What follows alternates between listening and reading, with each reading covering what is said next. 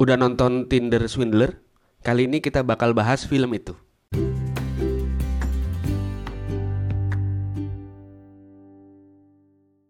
Halo teman-teman, kembali lagi dengan saya di Belajar Bareng Finance.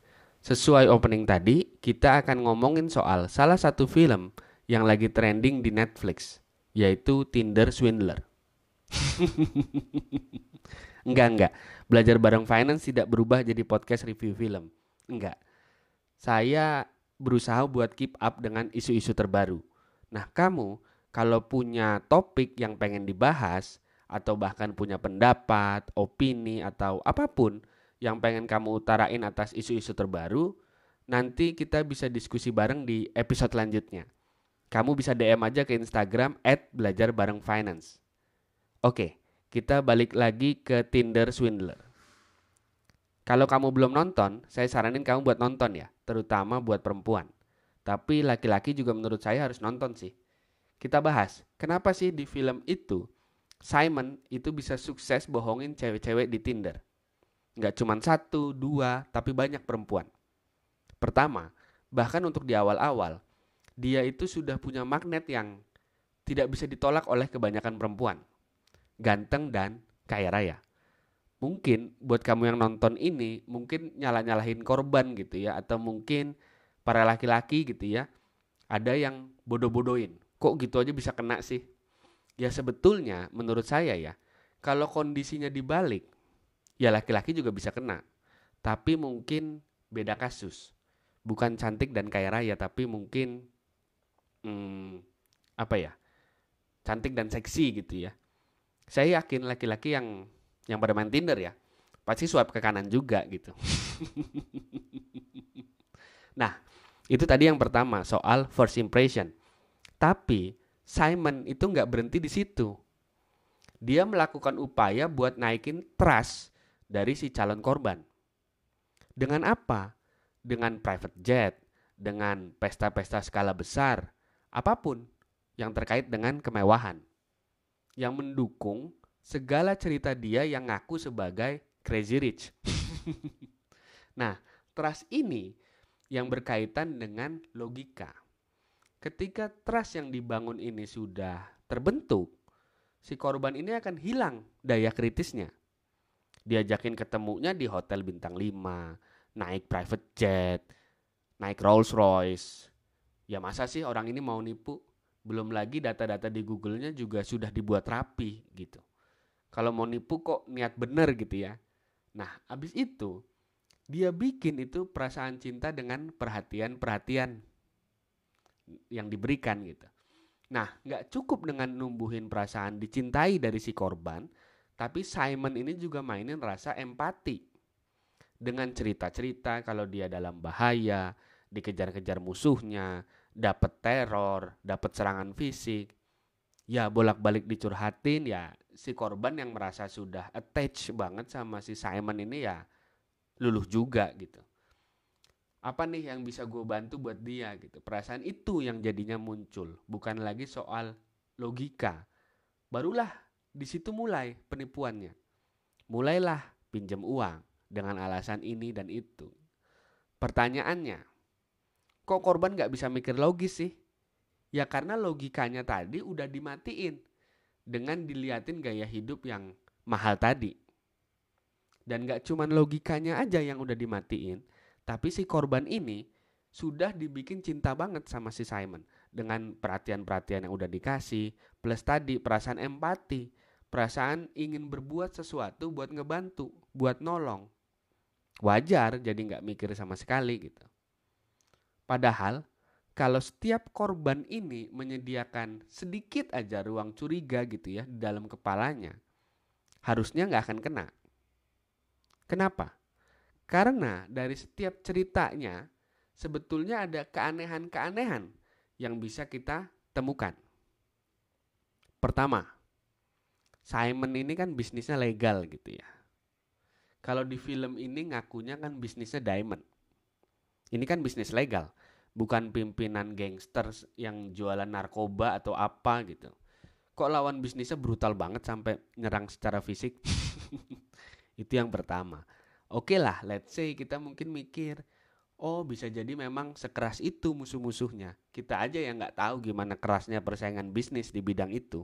Kita kan cuma pegawai kantoran biasa, nggak paham, gitu-gitulah. Ya tetap aneh.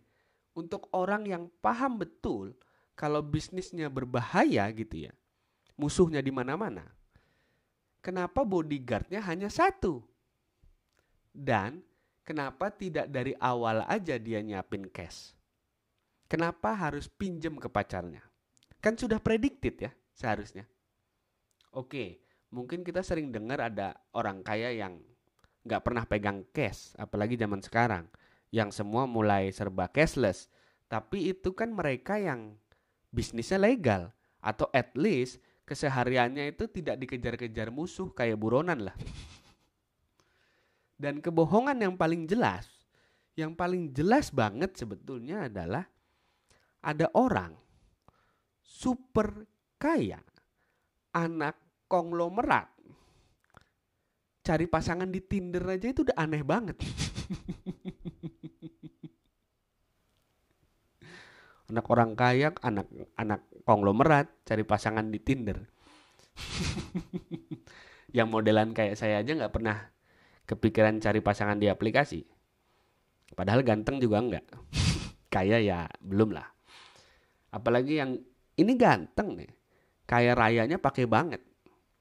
Pasti connection di real life-nya itu sudah banyak yang bibit, bebet, bobotnya cocok. Ngapain lagi dia nyari di Tinder? Cari selingkuhan pun kemungkinan besar ya nggak nyari di Tinder. Lydia sama Aris aja ketemunya nggak di Tinder kan ya? Bukan. Bukan berarti yang beneran cari pasangan lewat aplikasi itu salah gitu ya. Saya nggak ngomong gitu. Karena beberapa saya juga kenal ada yang beneran jadi dan hidup berbahagia juga itu kenalnya awalnya ya dari Tinder. Tapi ya itu tadi jadi masuk akal kalau buat orang-orang umum kayak kita semua gitu loh. Orang-orang biasa, orang kerja 9 to 5, 9 to 9. nggak yang crazy rich, mereka sudah pasti tidak cari pacar di aplikasi. Nah, ngomong-ngomong soal crazy rich, lagi rame juga kan ya ada orang yang katanya sih kaya banget gitu di usia muda yang ternyata afiliator binary option trading. Sebetulnya dari awal udah beberapa tahun yang lalu udah ada episode belajar bareng finance yang bahas binary option. Kalau binary option trading ini Binomo, OktaFX dan teman-temannya ini nipu, bukan trading. Kamu nanti bisa cek ke episode bawah-bawah buat dengerin bahasan kita ngomongin itu. Nah, balik lagi ke tadi, muda dan kaya raya ini seharusnya udah bikin kita berhati-hati. Paling enggak, kita harusnya kepikiran lah, siapa sih yang ada di baliknya? entah itu orang tuanya atau mungkin orang lain. Ini di luar kasus outlier kayak Gozali dengan NFT-nya gitu ya. Faktanya ya sulit banget untuk orang yang datang dari keluarga biasa-biasa saja tiba-tiba dalam waktu yang sangat singkat langsung jadi crazy rich. Bahkan untuk yang sekelas Raffi Ahmad gitu ya, yang kita semua tahu, yang masih muda, kaya raya gitu ya, itu dia tidak ujuk-ujuk juga dia bangun karirnya udah dari lama banget. Nah, kalau muda, ujuk-ujuk muncul ke permukaan sebagai orang yang kaya banget, apalagi kalau tidak jelas latar belakang kekayaan keluarganya, dan ngakunya cuman dari pencet-pencet di HP, ngakunya si trading gitu ya, terus jadi kaya raya, itu udah red flag banget sebetulnya. Nah, ngomongin trading, lagi rame juga kan ya soal robot trading. Saya sempat tuh bikin episode bahasan soal robot trading beberapa waktu lalu, belum lama. Ini juga sama aja anehnya. Nah, kalau ada yang terlalu bagus buat jadi kenyataan, itu udah pasti aneh sih. Kalau mungkin pertanyaannya, kok si A, si B, dia ini kok sempat berhasil trading di sana? Sempat cuan gede juga, kok bisa? Duitnya dari mana gitu.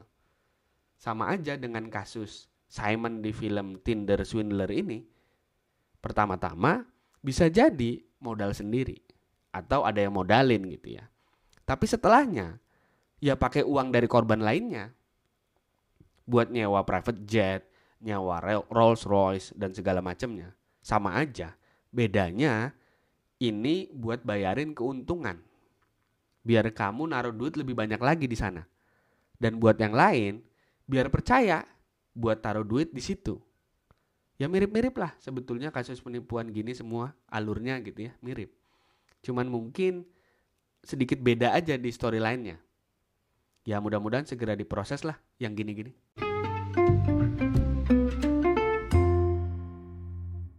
Terima kasih sudah belajar bareng finance di podcast ini. Jangan lupa buat kasih bintang 5, tekan tombol follow dan nyalain lonceng biar kamu nggak ketinggalan episode-episode terbaru dan jangan lupa follow IG kita di @belajarbarengfinance. Disambung semua ya.